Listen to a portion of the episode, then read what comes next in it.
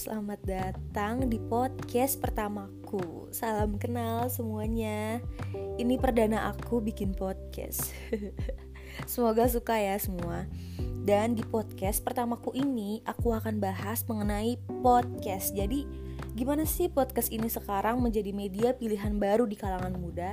Dan informasi yang akan aku sampaikan ini aku dapat dari webinar pada Jumat 30 Oktober yang diselenggarakan oleh Wardah Bright Days X Podcast P3K Kampus ke Kampus dengan support by Universitas Al-Azhar Indonesia dan KBR bersama dengan Ibu Citra Diah Prastuti sebagai pemimpin redaksi KBR dan Bapak Adi Prasetya sebagai Deputi Editor in Chief Berita 1 dan dan terakhir adalah dosenku Pak Yuri Alfrin Aladin sebagai dosen komunikasi UAI yang dibawakan oleh Indra dari KBR.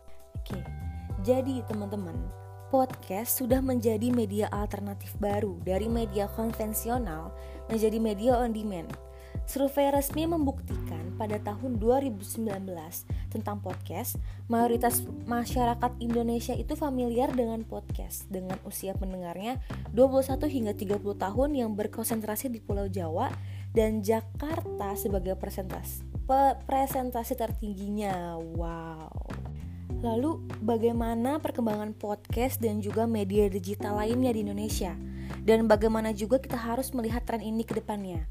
Kalau dibandingkan media dulu dengan sekarang itu sangat berbeda. Dulu kita seolah-olah hanya satu arah. Dulu kita juga harus berlangganan koran, majalah. Nah, itu sangat ditunggu oleh para pembacanya. Juga dengan televisi masih sangat terbatas. Jadi, media pada saat itu persaingannya sangat tidak ketat. Semua masih mendapatkan porsinya masing-masing. Sekarang, ekosistem media sangat berkembang jauh sangat berkembang pesat dan sangat revolusioner. Sekarang, orang tidak lagi mengandalkan media mainstream seperti televisi, koran, majalah, dan lain-lain sebagai salah satu rujukan utamanya. Dan konsentrasi masih memang di kalangan muda. Kalau untuk bicara lebih fokus ke podcast misalnya, itu kebanyakan audiens masih hanya sebagai pendengar, bukan sebagai seorang konten creator. Mereka hanya sebagai konsumer. Nah, ini yang sebaiknya diperluas karena kita mau membuat industri media digital di Indonesia semakin maju. Barangkali ekosistemnya itu yang harus diperkuat.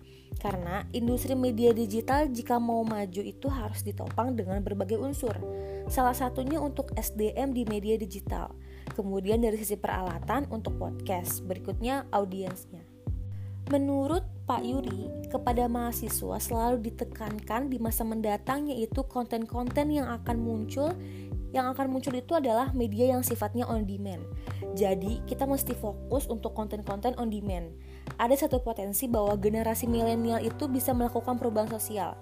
Caranya dengan media sosial, salah satunya podcast. Dan itu potensinya luar biasa ketika mereka menjabarkan opini-opini mereka, kritikan-kritikan mereka terhadap segala sesuatunya karena melalui media sosial karena melalui media sosial bisa untuk menjadi pelaku perubahan sosial dan untuk itu mereka juga harus tahu batasan atau etikanya. Apakah seorang podcaster juga harus taat kepada kode etik jurnalistik? Ya, karena kode etik juga mengatur cara berpikir, cara bersikap, kemudian juga landasan moral. Jadi, kalau di jurnalistik sendiri ada kode etik jurnalistik yang mengawasi itu adalah Dewan Pers. Kemudian untuk di media digitalnya itu ada yang namanya PPMS, Pedoman Pemberitaan Media Cyber. Jadi, podcast itu merupakan sesuatu yang menantang buat profesi ke depannya. Karena di Indonesia itu podcast sangat baru jadi hanya butuh kemauan dan juga keseriusan. Konsennya bagaimana mendorong kalangan mahasiswa atau kalangan muda seperti kita untuk bisa melakukan perubahan sosial yaitu dengan media sosial. Platform media sosial akan memungkinkan generasi muda, kelompok-kelompok milenial untuk melakukan perubahan sosial yang lebih baik di masa mendatang. Salah satunya melalui podcast. Jadi, satu kalimat yaitu milikilah media sosial salah satunya podcast untuk melakukan pertumbuhan sosial. Dan dalam podcast tetap ada aturan berbicaranya. Intinya kita harus tetap saring sebelum sharing.